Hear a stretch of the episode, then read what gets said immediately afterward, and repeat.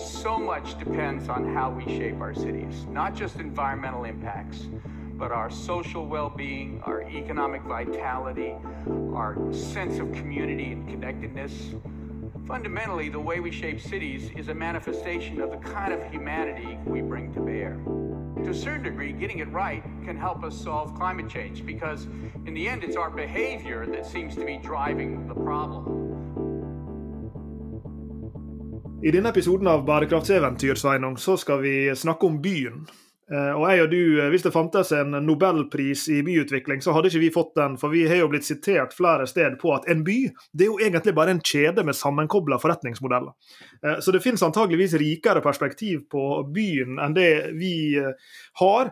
Samtidig så har jo vi jobba i veldig mange år med dette temaet om den bærekraftige byen. Og nå i, i, i mer nær fortid den sirkulære byen. Og dette er jo et tema som hele verden er opptatt av. Og dette ligger jo egentlig inne i SDG-ene, i bærekraftsmålene. Det er et tema som EU løfter fram, det er et tema som de fleste land i dag, og for den del byene sjøl, løfter fram. Eh, så når vi eh, samles her i dag, altså, så er det for å snakke om den bærekraftige og sirkulære byen. Hva er det for noe, og hvordan skal vi lykkes med å skape den? Og for å drodle litt videre på den innledninga, Lars Jakob. Hvorfor er det så vanskelig? Og videre, hvordan kan det kanskje løses. Uh, og For å diskutere dette her i dag, så har vi invitert Fredrik eh, Barth. Velkommen skal du være. Tusen takk.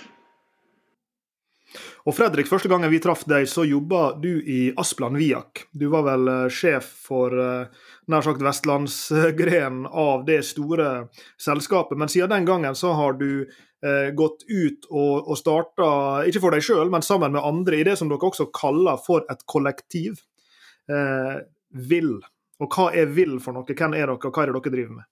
Jeg må bare si at jeg ikke var sjef for Vestlandets Asplan Viak, men jeg hadde ansvaret for sted- og byutvikling i Asplan Viak nasjonalt. Og det, det, er ikke en eh, sånn sett lederstilling, men en, fag, en faglederstilling. Um, og så for tre år siden, akkurat i dag, eh, 1.2. tre år siden, så startet vi VIL. Uh, og det var som en slags et ønske eller en herlig motpol jeg vet, jeg vet ikke, mot, mot en, en, litt sånn globaliserende trend innenfor arkitekturen, hvor de store selskapene som jeg også var del av, kjøpte opp mer og mer av de små artige. Og så så vi vel kanskje at, at en del av, av mangfoldet eh, taptes. Samtidig som, som bærekraftdiskusjonene ble viktigere og viktigere, SDG-målet holdt på å, å utarbeides, og at, at det liksom var et sånn skrikende internasjonalt behov for nettopp det mangfoldet av sosiale aktører og arkitektur og design og, og miljø og økonomi som liksom skulle lage verden på nytt. Og da ble Will på en måte til ganske uh, plutselig og, og raskt. 1.2. Uh, eh, tre år siden.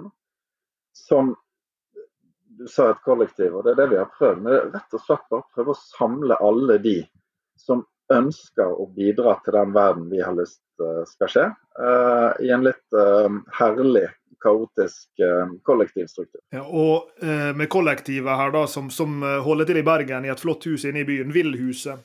jeg drev selv i digresjonsform en platebutikk en gang sammen med noen gode venner, og den heter Nøstekollektivet. Og Nøstekollektivet var nok et slikt kollektiv som verken tjente penger eller skulle tjene penger, nær sagt. Eh, men, men, vil, bare for, for de lytterne som ikke er kjent eh, med dere Dere er jo altså en, sagt, eh, ikke, ikke, vanlig i det hele tatt, men vanlig kollektiv av arkitekter og, andre som altså går inn og konkurrerer med andre arkitektselskap osv. Om, om, om bygg, om byplanleggingsprosjekt osv. Så, videre. så Så dere opererer i et marked av, av, av denne typen, er det riktig forstått? arkitekter og andre. Jeg er nødt til å lese fra, fra hjemmesiden her. Altså, VIL er et fellesskap av arkitekter, designere, interiørarkitekter, scenografer, agronomer og sosiale entreprenører. Ja, dette er et kollektiv. altså Dette må du fortelle mer om, uh, Fredrik. Ja, altså det, det, var mye herlige diskusjoner da vi startet. Uh, vi, vi, begynte jo uh, ganske klassisk med tanke om en, en, en en storstilt modell med en leder på toppen og underselskaper eller avdelinger og avdelingsledere. En veldig herlig hierarkisk greie. En eller annen gang i løpet av den prosessen så innså vi at, at det, var vel kanskje fordi at det var den strukturen vi kjente fra før av. Og at man liksom tar med seg denne der byrden som har vært. Og så hadde vi en, en fin diskusjon på om vi virkelig trodde det, at det var måten å lage den nye verden på. Og så ble vi enige om at det var det jo ikke i det hele tatt. Så det som har blitt, er en slags uh, samling av uh, uh, selskaper. Jeg er daglig leder i det som er Vill arkitektur, og der, der, er vi arkitekter, på en måte. Og så er det flere parallelle selskaper som til sammen utgjør Vill. Og Vill er ingenting eh, sett bort fra navnet og merkevaren.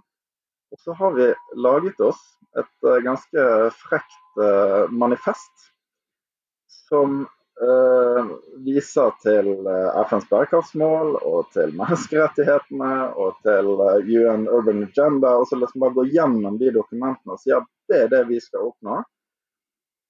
Og Det manifestet er rett og slett en personlig ting. Så alle ansatte hos oss knytter seg til det. Så dette er ikke en sånn business-kobling. Det er rett og slett en samling av mennesker som har lyst til å få til det samme. Helt uavhengig av deres utdanning eh, som sådan. Så Det er det vi har prøvd å skape i bildet. Den samlingen av alle de entusiastene som ønsker å skape en bærekraftig forandring i byen.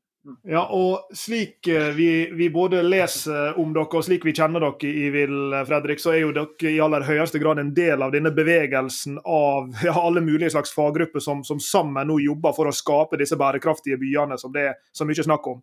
Eh, men det kan jo hende at det, det, er mange av lytterne våre her ute som ikke har tenkt så mye over hva som ligger i dette begrepet om den bærekraftige byen. og Etter hvert skal vi også komme til den, den sirkulære byen. Men la oss begynne først med, med, dette begrepet bærekraftig by, eller sustainable city. Altså For de som har googla litt og kikka litt på nett om sånne ting, så er jo det noen byer som ofte løftes fram. Det kan være København, det kan være Amsterdam.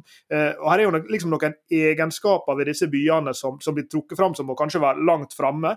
Samtidig, slik jeg tolker begrepet begrepet om den bærekraftige byen, så er jo det også et slags ideal som er langt der framme. Altså at vi er et stykke unna å ha bærekraftige byer rundt omkring i verden, selv om noen er flinkere enn andre.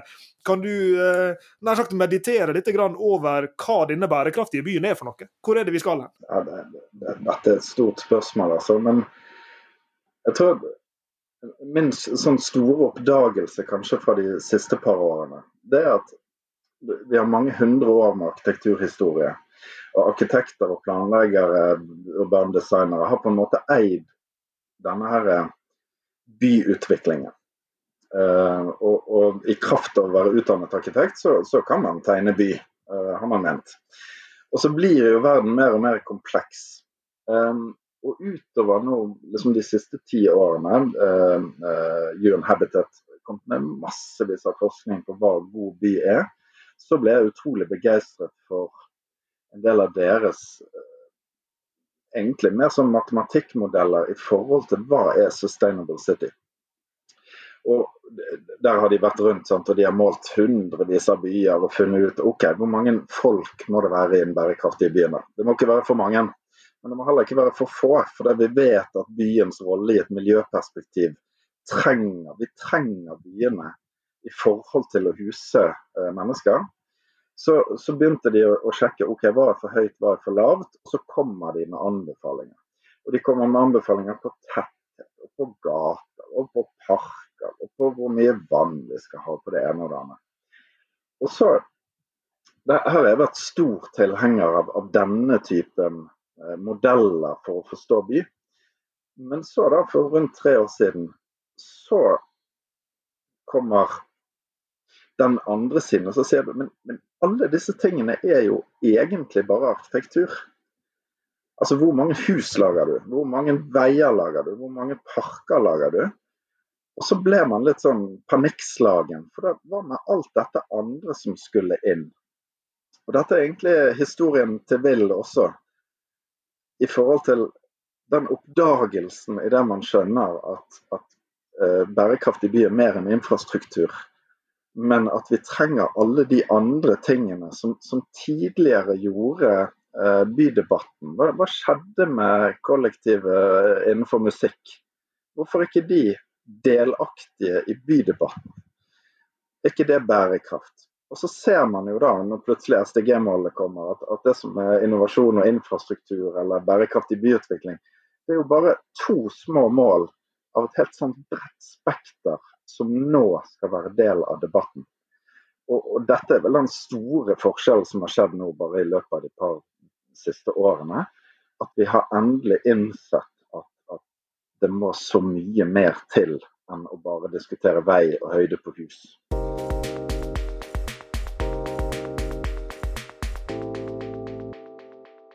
Vi snakker jo ofte om at uh, hvis man kikker ned i den skattkisten av, av, forretningsmodeller, eller av bærekraftige forretningsmodeller, så, så, vil man ikke finne så veldig mange selskaper der ennå. Man er på vei mot noe.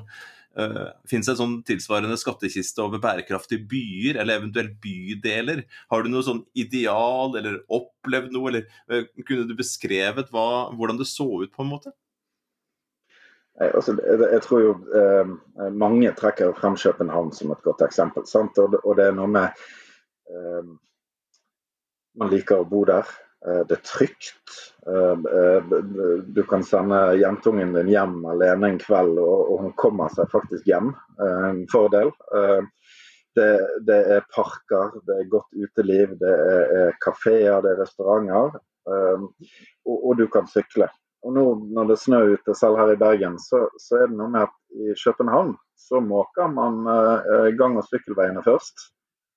Eh, I Bergen så eh, står jeg fast med min elsykkel med to barn bakpå. Uh, bare det kommer liksom så mye en centimeter snø ute.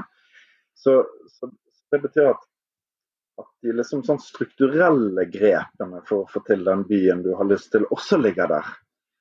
Um, og, og der er København, og du har Amsterdam, og du har til og med Vancouver trukket ofte frem så, som en del sånne.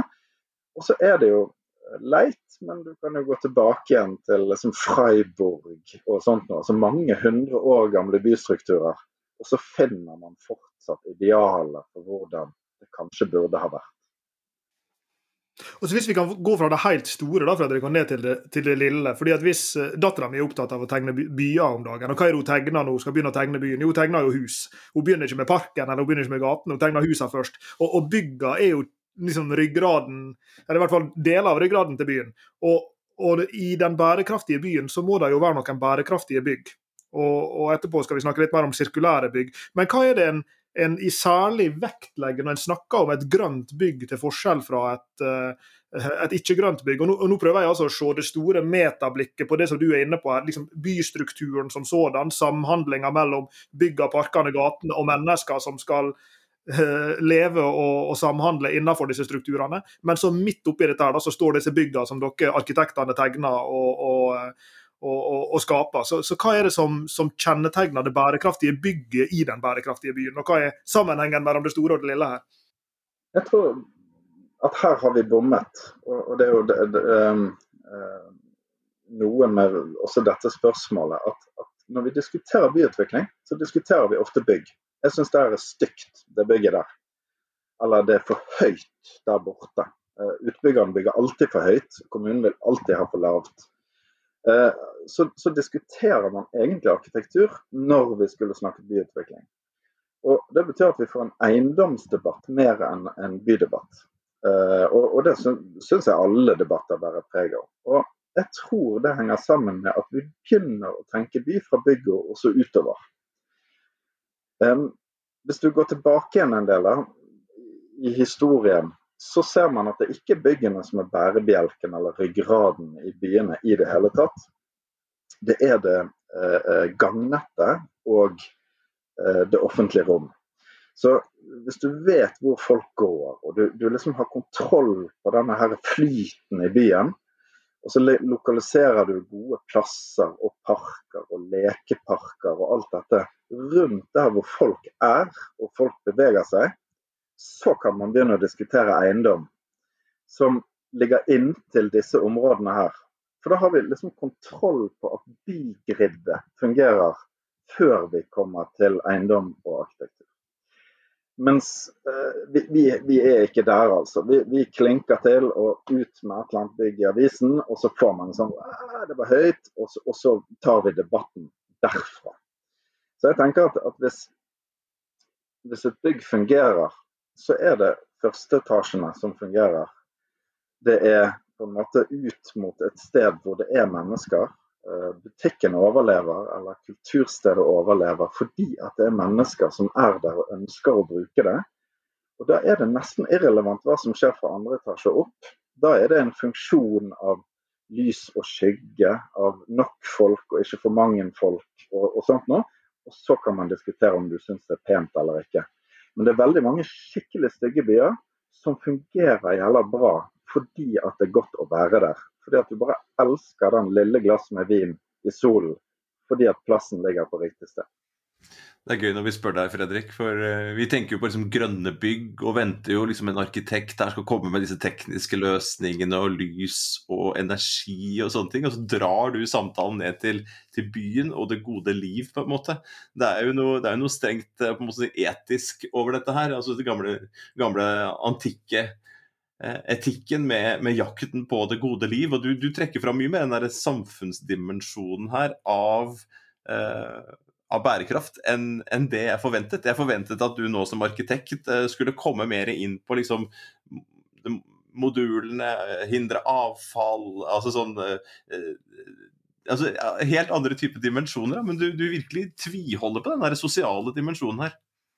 Jeg, jeg syns virkelig at god arkitektur, det, det gir oss som brukere gode opplevelser. Og, og da, da, kan man spørre seg om en del av de på en måte mer sånn eh, identitetsbyggene som er bygget rundt omkring, om de virkelig gjør det.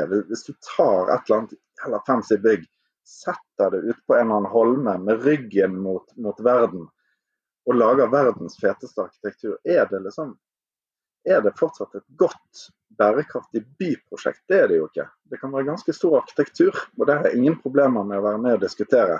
Men det er ikke nødvendigvis et veldig godt prosjekt av den grunn. Og Der ser vi dessverre litt for mange prosjekter som, som er der. Hvis du ser på f.eks. Media City som ble bygget i Bergen, et MAD-prosjekt, så klarer de å ta vare på bygg, og vi kan snakke om gjenbruk og vi kan snakke om energi og alt. Men de åpnet noen sånn bevegelseslinjer. Du kan plutselig gå gjennom et bygg, og du kan plutselig bruke byen på en annen måte. Og der tenker jeg liksom selve gullkornet til det prosjektet ligger, det, det, det handler ikke om fargen eller glass eller denne eller digre skjermen utenfor. Men, men, det gode grepet som rett og slett kobler byen på en annen måte, og som gir en ny type bruk. Det er et begrep som jeg har lært i det siste som heter 15-minuttersbyen. Paris var vel den siste byen nå som forplikta seg til, til, det her. Og Hvis jeg har forstått begrepet riktig, så handler det om at du skal kunne nå alt du trenger i hverdagen din, så å si, innenfor en 15 minutters. Er det, er det på sykkel, er det det som er målestokken, eller noe i den duren? Det er kanskje til fots eller til sykkel eller med buss, for alt jeg vet. Men i alle fall denne ideen om at du skal da kunne, fra der du er og der du bor, sjøl i en diger verdensby, da, som vi vet at det tar lang tid å kjøre fra øst til vest, den, eh, der skal du, skal du, kunne på en måte ha en slags lokal by i byen. Og Slik jeg forstår deg nå, så, så er jo da den bærekraftige byen kanskje noe som krever en slags jeg skal ikke si intelligent design, det er noe annet. Men en slags, det må være en slags masterplan da, på et vis, for å tenke ikke bare bygg for bygg, eiendom for eiendom, gate for gate, men her må være en eller annen planlegging som ligger bak. Og hvordan er det vi skal lykkes med det i en verden hvor vi vet at det krangles på alt, og det er vanskelig å, å få implementert disse store planene. Hvem er det som må gjøre dette? Er det, er det kommunene, er det bystyrene, er det statlige føringer? Er det nær sagt store eiendomsforvaltere som kan eie nok til at de sjøl kan legge opp til det? Hvordan, er det en skal få dette til i praksis? i, i, Norge de siste 20 årene sant, så har vi skjønt at oh, vi kjører for mye bil og vi, vi, må på en måte redusere det. Og så kommer miljø og klima, og så skjønner man at oh, nå må vi i hvert fall begynne å kjøre mindre bil. Og så har man laget f.eks. Bybanen i Bergen, som, eh, som eh, er et skinnegående kollektivsystem. Og så bygger vi sånn tett rundt bybanestoppene, for da kan du ta Bybanen når du skal ting. Og det, eh, eller T-banen i Oslo, eller hva som helst, eller bussen på Lillehammer. Men eh, det som ligger til grunn for det planleggingsparadigmet, det er at man skal transportere seg for å finne alle de tingene man trenger. Det ligger liksom en, en sånn grad av sånn plattform som bare er feil. For dette store spørsmålet må jo ikke være at, at liksom, ok, når du skal transportere det, så skal du gjøre det på en miljøvennlig måte. Liksom, the holy grail må jo være at du ikke trenger å måtte ta bybane eller sykkel eller bil, fordi at alt det du, du har behov for, er i din nærhet. Og Der ligger eh, liksom, eh, grunnlaget for UN Habitat sine nye anbefalinger. Og disse for så vidt 10-minutters byer, eller 5-minutters byer eller 15 minutters byer som, som man, man, lager konsepter for. Som går den veien. Altså, Hvordan kan alle steder bli bærekraftige i seg selv? Ikke at du skal bo et sted og så kjøre kollektivt til et annet sted. Og, og det er en oppgave for mange. Uh, og den må også kommunene ta, det er helt riktig. Altså, for den, den, infrastrukturmåten å forstå byer på, den, den, er vi litt ferdig med. Og, og i et sånt paradigme så, så, er det noe med at hvis vi hadde klart å diskutere tetthet, ikke ut ifra hvor mange etasjer bygg du skal ha, men hvor mange mennesker skal, skal til for å holde liv i kafeen på bakkeplan. Det vet vi på en måte.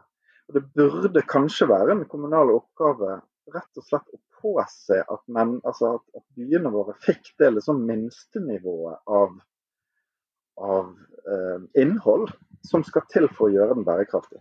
Det er en veldig annerledes oppgave enn en sånn plandiskusjon hvor noen har lyst på ti etasjer, noen har lyst på fem etasjer på én gitt tomt. Så tilbake igjen til denne byforståelsen. At hvis vi hadde hatt målbilder som handlet om kvalitetene man har lyst til, og at alle sammen jobbet for det, så tror jeg vi hadde vært nærmere.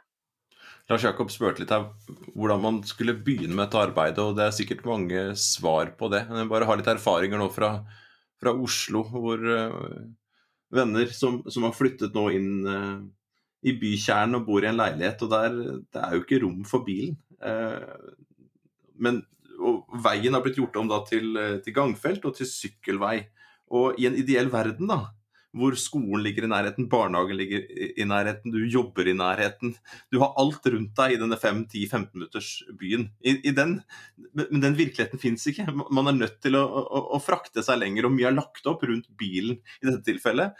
Eh, og de prisene for å parkere en bil som de skisserer på et år, er jo, er jo helt galskap. Så, så, så de sier det er jo umulig for barn eller barnefamilier å bo i byen. Ikke får du fraktet eh, barna dit du skal, og du er ingen som har råd, eller de færreste som har råd uh, til dette her. Så liksom, hvordan skal man liksom på en måte komme seg til det idealet uh, til fra en, en, virkelighet som over da 50-60-100 år er bygd opp rundt bilen, litt og litt og litt og litt, og litt, og så skal man da gå tilbake til noe som skal være mer lokalt, da, bydelsorientert på en måte. hvordan jobbes det med dette her for å få til dette i praksis? Folk blir jo så sinte. Altså Folk blir jo så forbanna når eh, livsgrunnlaget på en måte blir borte. I dette tilfellet med bilen. Um, det var en fantastisk Oslo Puls. Eh, eh, magasinavis hadde en oversikt over Ensjø-utviklingen i Oslo. Eh, skulle ha 20 000 innbyggere. Det ble veldig sånn slått opp for ti år siden i Oslo. Eh, Lillehammer har rundt 20 000 innbyggere. Og så hadde de en sammenligning mellom tilbudene du fant på Ensjø, og tilbudene som faktisk en by på 20 000 mennesker har. Sånn, Lillehammer hadde 37 barnehager, Ensjø hadde tre. Eh, det var elleve skoler, Lillehammer ungdomsskoler. Eh, på Ensjø var det én. Og sånn, alle de tingene, altså alle de 35 andre barnehagene, de er jo ikke på Ensjø. Og Det betyr at behovet for mobilitet er så vanvittig stort, selv om det ligger midt i Oslo. Og, og Det er jo den frustrasjonen mange kjenner på, at, at det, er, det, er, et stort gap mellom det vi beskriver og det vi ønsker oss, og det som faktisk er realitetene. Så akkurat det der med bil er jo altså Bil er transportformen vi har akkurat nå. Og før den var det hest og vi har hatt noe skip, og vi har hatt Altså, mobilitet er kanskje det viktigste grunnlaget for byene våre i det hele tatt. Det er bare at akkurat nå liker vi ikke den mobiliteten vi har. Men den er ikke fienden. Mobilitet må aldri bli fienden i byen på en eller annen måte. da, da reagerer man. Og det, det ser man jo f.eks. Ved forrige valg i forhold til bompengepartier og alt. som er sånn, Det er en sånn opplevd kjempeurettferdighet som skjer nå, som, som man skal ta på alvor. Og dette er veldig spennende. og og jeg, eh, jeg, gir jo ikke meg på dette bygget, Fredrik. Eh, og Noe av grunnen til at jeg ikke gir meg på det, det er at jeg vet at dere i Vill arkitektur, altså en av eh, forretningsområdene i, i Vill-kollektivet, har gjort så mye spennende både på oppsirkulering, altså sirkulære bygg. Så nå begynner vi å introdusere dette sirkulære som vi lova i starten.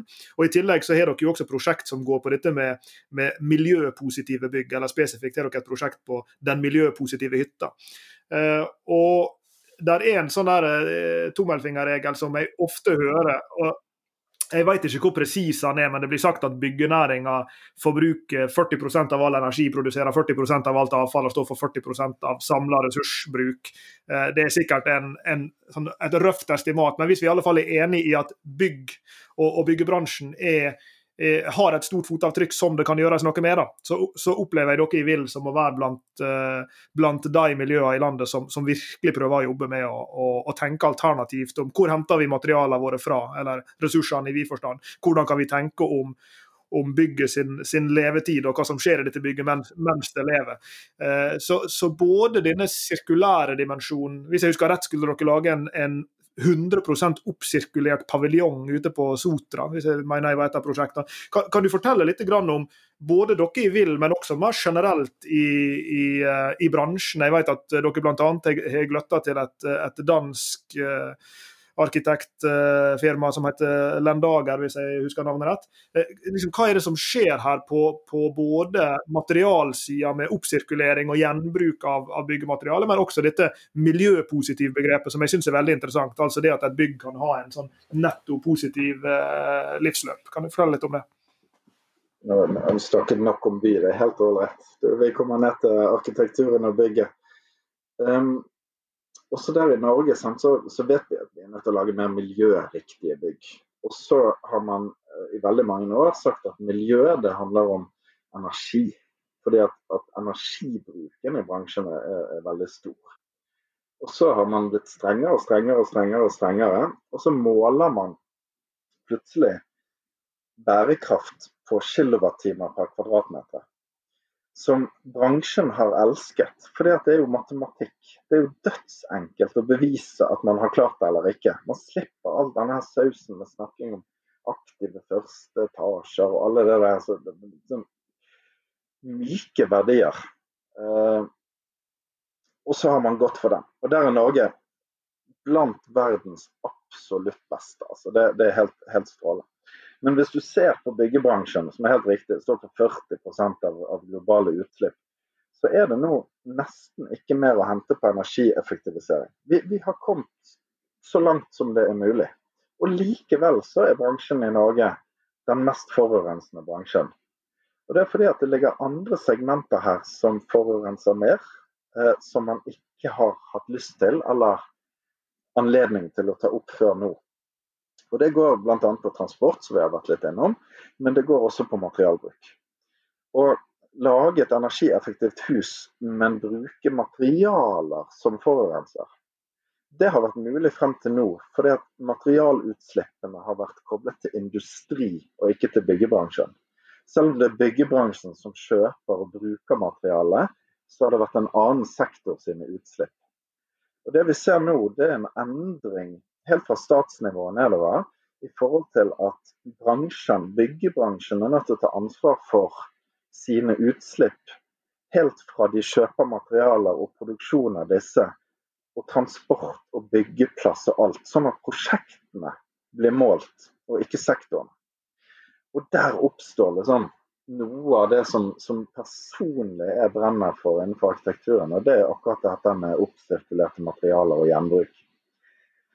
Og Vi har vært så heldige og hatt flere prosjekter med dette danske kontoret som heter Landager, som, som, er kanskje verdens første kontor som virkelig har fått det til innenfor en, en eh, sirkulær økonomi som fungerer. Ikke at man går ut i avisen og sier at ja, ja, gjenbruk, det ser litt rart ut, det koster sykt mye, men det er utrolig viktig. Så har Anders Landager helt fra begynnelsen av for fem-seks år siden gått ut og sagt at oppsirkulering Det er billigere. Det ser bedre ut. Du får høyere kvaliteter. Eller så gjør vi det ikke i det hele tatt. Og Det er et annet type innsalg. Så Anders har bare dunket ned i, i økonomisystemene. Han har funnet ut av hvordan bransjene henger sammen. Han har disruptert og shortcuttet rundt omkring. Og så har han laget en, en ny arkitektur basert på gamle materialer som rett og slett ser briljant ut, og som, som er gjenbruk og oppsirkulering. Og Det er det vi har prøvd å få til i Norge eh, de siste årene, sammen med Lemberger, og nå etter hvert alene også. Og her er jo du inne på da eh, Det lå mellom linjene i den beretninga di om, om, eh, om Lemdager at, eh, at, de har lykkes med på en måte litt det samme som denne store bevegelsen innenfor bærekraftig business. At en lykkes med å finne disse forretningsmodellene som er både bærekraftige og lønnsomme. Vekk fra denne gamle trade-offen at du må velge skal det være bærekraftig eller skal det være lønnsomt. Så er det litt det samme jeg opplever at du sier. Skal det være bærekraftig eller skal det være fint? Skal det være bærekraftig eller skal det være kvalitet? Men det du sier at her, her finnes det noen lommer som hvor, du kan tilby kunden eh, en, en ja takk, begge deler-situasjon, er for dere som, som, går ut i det, det norske markedet da, med tilsvarende type logikk, eh, opplever dere at, at norske eh, nær sagt, de kundene dere jobber med, eh, ser de den samme oppsida? Altså, er dette her et lett innsalg å komme med? Hva er eventuelt bekymringene, eller hva er det, hva, hva er det som er etterspørselen? Hvordan, kan du si litt om, om markedssida her? Satt en av eh, personene som er valgt inn i det som er Bergen næringsråds ressursgruppe byutvikling. Og Der var frustrasjonen til å ta og føle på sist, fordi at det nye eh, gjenbrukskravet fra regjeringen ble diskutert. Vi skal ha 40% gjenbruk, eller 50% gjenbruk, eller 30% gjenbruk i alle nye prosjekter. Og så blir det som Sveinung påpekte med bilen, så en ganske hissig kar som bare Men alle vet jo at det går den veien. Men vi har jo meg ikke noen gjenbrukte materialer å kjøpe. Hvor skal vi få tak i dette her fra, da? Og, og det er noe med Kanskje man skulle hatt litt mer fokus på akkurat det. At, at liksom vi, vi la til rette for at det ble produsert sånn at det faktisk går an å velge. For en, en privat utbygger, eller rett og slett en privatperson som ønsker å gjøre noe, eller en stor utbygger, de har rett og slett ikke mulighet til å velge eh, gjenbrukte eller oppsirkulerte materialer i dag. Så det, Der er det eh, innsalget ingen problem i det hele tatt. Og markedet skriker etter mulige industrialiseringer av miljøvennlige produkter. Eh, og så må vi treffe på pris, og så må vi treffe på kvalitet. Men, men det mener jeg altså går an. Uh, jeg får jo liksom et spørsmål til deg når du, når du snakker, Fredrik. fordi Da sier du at ok, her er det noen sånne hinder som vi, som vi må hoppe over, men som vi får til. Kvalitetsmessig, prismessig osv. Eh, er det noen sånne tekniske begrensninger per i dag? Jeg husker når du første gang fortalte oss om, om lendager, f.eks., så var det snakk om sånne ting som å ta vindu som ble brukt igjen i fasader. Det var, det var nær sagt taglsteins, sånne utsnitt av et bygg som kunne brukes igjen. Er det primært Eh, altså Har vi kommet dit hen at det primært er det kall det visuelle, estetiske, sånn i, i, finishen på bygga, eller kan du, kunne du i teorien satt i gang og eh, begynt å bygge et nytt Bergen rådhus nede i, i sentrum nå, og så skulle, skulle, hele bygget fra omtrent første stein til eh, siste vindu være oppsirkulert? Altså er det mulig, sjøl for et stort, komplett bygg, å å gå nesten i full oppsirkulering, eller, eller har vi liksom en vei å gå teknisk og, og i det hele tatt før, før, vi er der? Nei, det er ingenting i veien for det i det hele tatt. Um, det, til opplysning så, er det en, det er en, stor forskjell på det som kalles gjenbruk, som har vært mye fokus på i media i det siste. fordi at Oslo har fått en del prosjekter som viser veien der veldig bra. Helt strålende. Da tar du et vindu et eller annet bygg som skal rives, og så frakter du gjennom byen, og så bruker du det som vindu et annet sted. og så det er god stemning. Der er det mye som må organiseres og ordnes og bevises og, og i det hele tatt. Og så har du det som heter oppsirkulering, som da strengt tatt kan du se for deg at du tar et avfall fra et eller annet sted. Det trenger ikke være et vindu, det kan være en, en knust betongvegg som hadde skulle blitt dumpet i en eller annen hull, for det, det gjør man med, med knust betong. Og så tenker man at vet du hva, det der, istedenfor at vi bare dumper det et sted, det kan jeg ta tak i, og så kan jeg bruke det som tilsetningsstoff i ny betong. Det kan du få opp til 80-90% tilsetning. og Det betyr at vi kan bruke eh, bare med 10 ny betong, så plutselig kan vi støpe et helt nytt bygg som egentlig består av 90% gammelt bygg. Så det går helt fint. Og Tilsvarende så kunne man istedenfor å ta det vinduet og bruke det som et vindu et annet sted, så kan man ta opp heltre-rammene eh, i vinduet, sandblåse det, lime det sammen, og så plutselig har man et heltre innepanel som er eh, like billig som gips, fordi at man har fått de gamle vinduene gratis. Så råmaterialet koster ingenting. Og så bruker man pengene, kostnaden, rett og slett som lokal arbeidsplass istedenfor eh, materialkost ved å kjøpe et vindu fra Asia et sted. Så bruker man det på lokale håndverkere, og så setter vi sammen. Og så plutselig får du en heltre innervegg istedenfor en gips innervegg. Og så vet du at produktet ditt ikke bare er det miljøvennlig, for det er bygget på avfall og produsert lokalt, men huset ditt har også ført til to arbeidsplasser eh, i din egen lille by. Og Det betyr at vi kan begynne å måle arkitektursuksess med hvor mange lokale arbeidsplasser vi skaper, eller hvor mye arbeidstrening for uføre du har klart å få til ved å bygge huset ditt. Og Da snakker man på en måte plutselig bærekraft igjen videre enn en, sånn her estetikkdebatt. Som jeg syns er utrolig flott å kunne gå inn i en sånn diskusjon.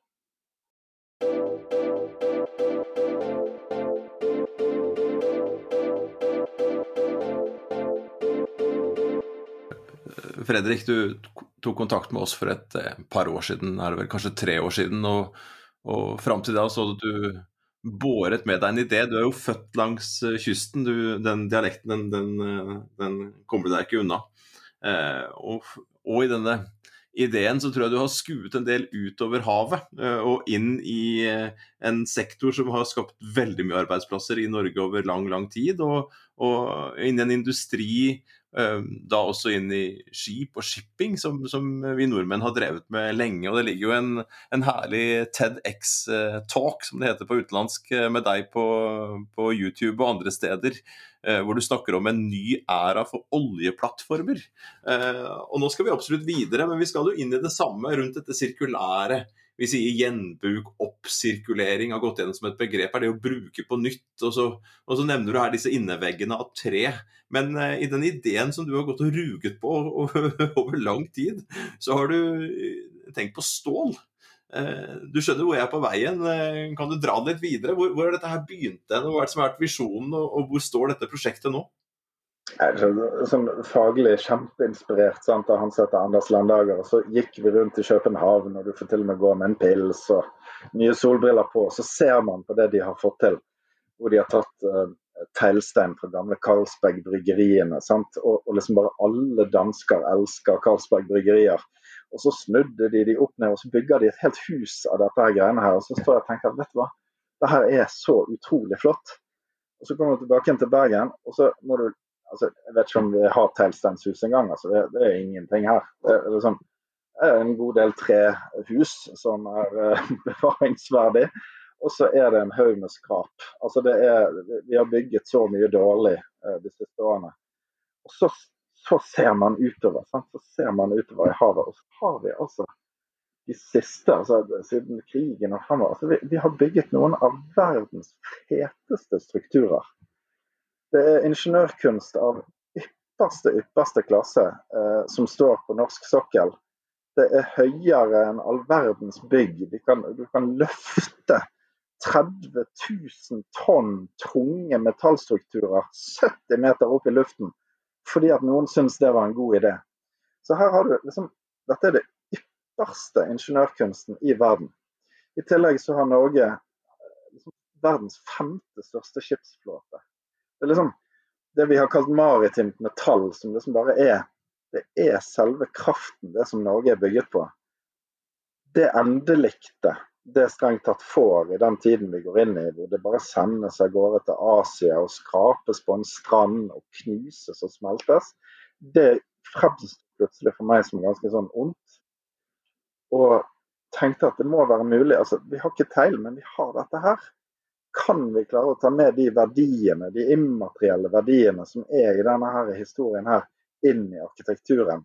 Og kan vi dermed finne materialer som også kan industrialiseres til oppsirkulerte byggematerialer? Sånn at man rett og slett kan kjøpe de. At det ikke er sånn one-off-prosjekter, men at det rett og slett er helt vanlig i butikken å kjøpe en ny fasade laget av Trollplattformen. Det hadde vært fett. Da laget vi Nordic Circles, som er enda et rart selskap uh, vi har vært borti. Mm. Og her burde vi jo eh, informere i en sånn full disclosure-perspektiv om at vi er jo med og, og starta dette selskapet Nordic Circles eh, sammen med dere i VIL, sammen med eh, strategihode fra Wilder og, og jurister i Hammervoll Pinn og, og oljeingeniører og en broket forsamling av ulike faggrupper som har til felles denne ideen om at, som du sier, kan en oppsirkulere eh, disse høykvalitets ressursene til nye byggematerialer. Altså ekvivalenten som jeg satt og tenkte på her når du fortalte om disse skipene som kunne ende opp på ei strand og bli hogd opp og, og smelta om. Det er jo som at du skulle brukt Bryggen i Bergen som oppfyringsved. Det kan jo du gjøre, men det ville jo vært en veldig lav utnyttelsesverdi av den, disse bygningene på Bryggen slik han, slik han står. Og denne ideen om at en ønsker å opprettholde verdien i disse skipene i disse uh, riggene og disse strukturene. Det er jo liksom det som, som uh, forente oss eh, her i dette, i dette prosjektet. Og, og, da er jo det mange anvendelsesområder en kunne sett for seg at denne stålen kunne fått. Men kan du, kan du kanskje fortelle noe om, om, de tidlige prosjektene? For dette her er jo i aller høyeste grad i en oppstartsfase og i en ja, en vil nesten kunne kalle det en slags pilotfase. Så, så hva er det i all verden en kan bruke disse oljeriggene til, og disse skipene? Hvis jeg skal være tro til det jeg sa i sted, så er det det som egentlig også var drøm en gang. Det var liksom de her gamle arbeiderne ute på Aker som, som liksom bygde Stadfjord A-plattformen. De har nå blitt ganske gamle. De jobber fortsatt på verftet. De har hammerne sine over skulderen, og de er fortsatt skitne og fine. Men nå går verftsindustrien nedover. Vi gjør ikke dette lenger. Og, oppsigelser kommer, og det er liksom ikke noe. Men tenk å kunne begynne å ta inn igjen dette her. Og så får denne der gjengen liksom bare plystrer og så kommer liksom gutta med hammeren over skulderen inn igjen på verftet. Og så bare bygger vi noe nytt. Det vil jo være måloppnåelse uh, one on one, altså å få denne gjengen tilbake igjen på verftet. Og så, og så liksom være med på denne industriutviklingen én gang til. Det har vært kult. Når det kommer til produkter, så har vi jobbet litt frem og tilbake. og Det, det er klart at Som arkitekt så ser jeg for meg uh, type fasade. Mest av alt fordi det er det flotteste eh, eh, liksom, mest visuelle vi kunne gjort. Nye rådhus i Bergen, eh, helt åpenbar kandidat. Men, men liksom at, at, man kunne bevist at det var mulig, så, så er et bygg fortsatt et, et, ganske flott. Men så, det vi faktisk har kommet lengst på, det er noe vi har kalt superdocs. Som uh, sporet ut av en uh, igjen bærekraftig bydiskusjon på at ting er så mye mer enn face value. Så idet Bergen havn skal transformeres, dokken skal tilbake igjen og skal bli by igjen, så er alle de gamle industrikaiene bortover. De er tom, og de er tom for liv, og det har vært miljøgifter. og Det er rett og slett ganske guffent. Og så kom ideen opp med et produkt som eh, kan bidra til å få biologisk mangfold tilbake under vann en slags front på kai, rett kaifronten. Et nytt skjørt som optimaliserer muligheten for biologisk mangfold å komme tilbake igjen til et sjøområde. Eh, videre så skal det ha, ha type urbane funksjoner, benker og badeplasser og, og, og rekkverk og informasjon og alt dette her på, på den bysiden. Men at det jobber da med, med liv under vann, biologisk mangfold og det å lage en ren og god by igjen. Så, så, vi prøver liksom også i produktene å tenke på denne helhetstanken. At, at liksom alle tingene vi gjør skal innom flere av bærekraftsmålene. Det må løse mer enn å bare være et fortøyningspunkt for en småbåt. Det kan også generere eh, yngleplasser for eh, fisk i eh. Dokken, Du nevnte dokken her, eh, Fredrik. og Dere har jo tegnet et forslag da, til denne, hvordan havna kan se ut. og Her antar jeg at ideen om den bærekraftige byen, som er god å leve i, og den sirkulære byen, hvor det gjenbrukes. Eh, og, og, kanskje at, de på en måte smelter sammen. Kan du ikke si noen ord om, om, om Dokken og, og, hvordan dere har brukt uh, ideene da, fra Nordic Circles om både fasader og bjelker og broer? Og, så, så, så, både den gjenbruksdelen der av skip og, og borerigger, men også det gode liv. Hva har dere tenkt å gjort for å skape eh, et godt liv eh, på Dokken? Det var en internasjonal utlysning, sant? et parallelloppdrag, og alle liksom, verdens feteste arkitektkontorer tilbyr. Og alle besvarelser i alle sånne prosjekter er liksom sånn superglanset, fete bilder av uh, ny, fet by. Og så valgte vi å være tro til det vi står for, og tilbød et kaotisk og underlig lite team med sosiale entreprenører og eh, eh, kunstnere og all verden. Så vi hadde noen kjempedigre store verksteder og skulle bygge denne byen opp og ny. Og endte med en, en, tegning på flere meter, en håndtegning av hele dokken. Hvor liksom vi bare fylte inn alt det liksom grumset som egentlig utgjør byen. Og Vi jobbet med hvordan liksom førsteetasjene skulle bare myldre liv, og hvor mange mennesker som skulle inn. Og hvordan man kunne liksom bruke konteinere på godshavnen til å liksom bygge fremtidig gangnett og se hvor folk gikk. Altså, Vi gikk liksom far, far out på ene siden og bygget opp den rufsebyen som jeg tror kanskje har en mulighet til å, å, å virkelig bli et godt sted men som ser litt åndssvak ut på, på, på, en arkitekturtegning i en uh, konkurransesituasjon. Men kjempegøy. Og, og fire meter, tre meter tegning som har hengt i vinduene på Villhuset med en sånn Finn Nissen gjennom hele, uh, gjennom hele julen. Vi har flyttet rundt han her nissen rundt i byen, og det har vært stor, stor suksess. Vi skapte også det som heter Bergen Vill, som en sånn Eh, Facebook, åpen Facebook-gruppe. 4000 mennesker plutselig nå bare hiver inn sånn Det skulle jeg ønske skjedde i byen. Og så trakk vi ut essensen av alt det og liksom bare la det inn i dokken. Og der også. sant? Vi prøvde å si at det viktigste her er ikke hvordan byggene ser ut, men det er de systemene du setter på plass for hvordan byen skal vokse, og hvordan den skal bygges. Så systemet for hvordan arkitektur blir til, er viktigere enn at vi lager et bilde av hvordan vi tenkte at den kunne se ut. Og Der er liksom Nordic Circles grunnstein, jeg tenker, som, som eh, da dere vil jeg si, er mine store inspirasjonskilder til. I forhold til den forståelsen av den sirkulære verden, hvordan ting henger sammen. Hvordan man kan begynne å tenke de systemene der og at jeg kan klare å, å, å, lage bysystemer og arkitektur som i hvert fall muliggjør større grad av dette enn tradisjonelle systemer.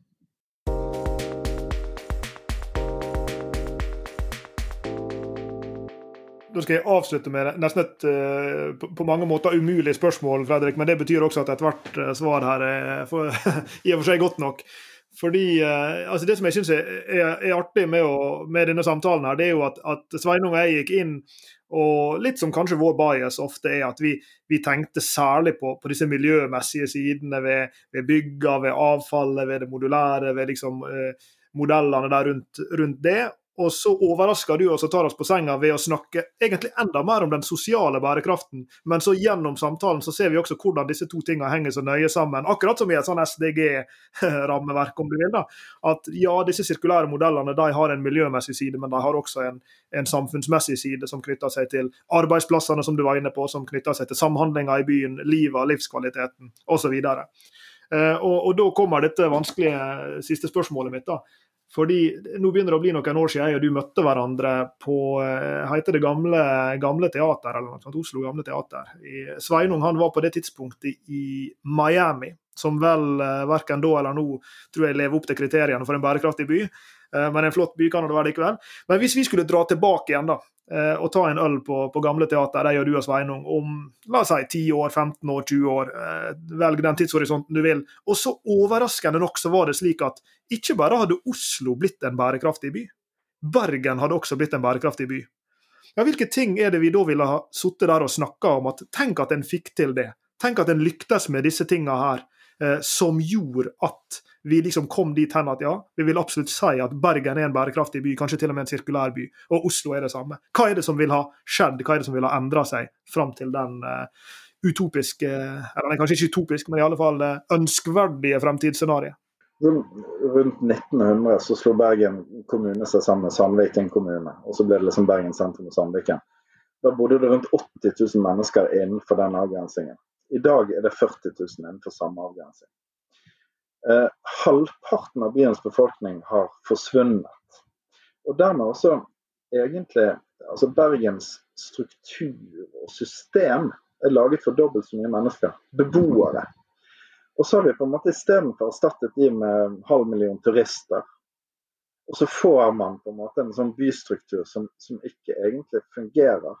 Eh, gågaten på Nordnes, der står det eh, tomme eh, lokaler. Og så skriker vi etter hvorfor legges det ikke til rette for at butikkene skal være grusomme utbyggerne som ikke har lyst til å lage butikker. Og så ser man at BHV lagde butikker overalt på Damsgård, men det er jo bare ingen som bruker det. Så den, jeg tenker at den redselen vi har for tetthet, det er en sånn arkitekturredsel som handler om tap av utsikt. Jeg, jeg tror at vi må vi må klare å forstå at, at, det vi ønsker å oppnå, henger sammen med menneskene som bor der. At vi blir bedre på akkurat det der. At, at liksom, vi, vi, trenger mennesker hvis vi har lyst å ha den kafeen vi bare skal slentre innom, hvor alle kjenner deg igjen og sier 'hei, Lars Jakob' idet du kommer inn døren. Så, så, så må, må, vi liksom også være der. Og det håper jeg har skjedd, i hvert fall om, om eh, ti år eller 20 år. At, at, den, at, vi får tilbake igjen de samfunnene som vi faktisk, når vi lukker øynene, har lyst på. Landsbyen i Italia. Eh, de systemene der. At vi klarer å skape det også i Norge. Tusen, tusen takk, eh, Fredrik, for at du blei med oss på bærekraftseventyr. Noe av fundamentet for, for denne podkasten er jo å snakke om eventyrere.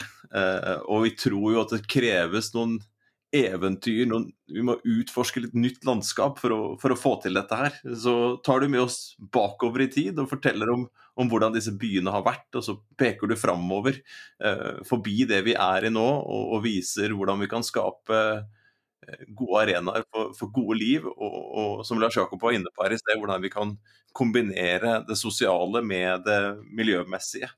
Eh, Tusen takk for praten, og tusen takk for at vi får lov til å være en liten del av den reisen gjennom eh, Nordic Circles. Fordi eh, jeg og Lars Jakob er jo på jakt etter, etter eventyr, vi jo, og på jakt etter mennesker som har annen type kunnskap enn oss, og som kan se verden på en litt annen måte og utfordre oss. Eh, så sånn sett så, så gjør jo du vårt bærekraftseventyr også mye mer spennende enn det det ville vært uten deg. Så jeg gleder meg veldig til å høre på denne samtalen igjen. Og så gleder jeg meg til å fortsette samtaler og eventyr med deg, Will, og resten av gjengen framover. Tusen, tusen takk for muligheten. Det var kjempegøy. Og vi kunne gjerne hatt en, en utgave om arkitektur òg. Nå får jeg sikkert kjeft fra alle mine arkitekturkollegaer, for det har bare klart å gjøre alt om til, til, til by. Men, men det, det, er klart at, at det, er jo, det, er jo, faget mitt. Jeg håper jo jeg kan lage verdens feteste bygg. Men det aller viktigste med det er bare at, at det faktisk treffer på disse andre. Og det tror jeg man skal være ydmyk til som fagperson og anerkjenne også. Men uh, det er alltid en glede å få prate med dere. Plutselig har vi en samtale igjen om uh, grønn arkitektur også, Fredrik, så tusen takk. Du har hørt på Bærekraftseventyr med Jørgensen og Pedersen. Send e-post til eventyr krøllalfa jorgensenpedersen.no for å stille oss spørsmål eller komme med forslag til tema for fremtidige episoder. Og besøk jorgensenpedersen.no for mer informasjon om denne podkastserien. Derfra kan du også fortsette samtalen med oss i sosiale medier på Twitter, Facebook, LinkedIn, YouTube og andre steder.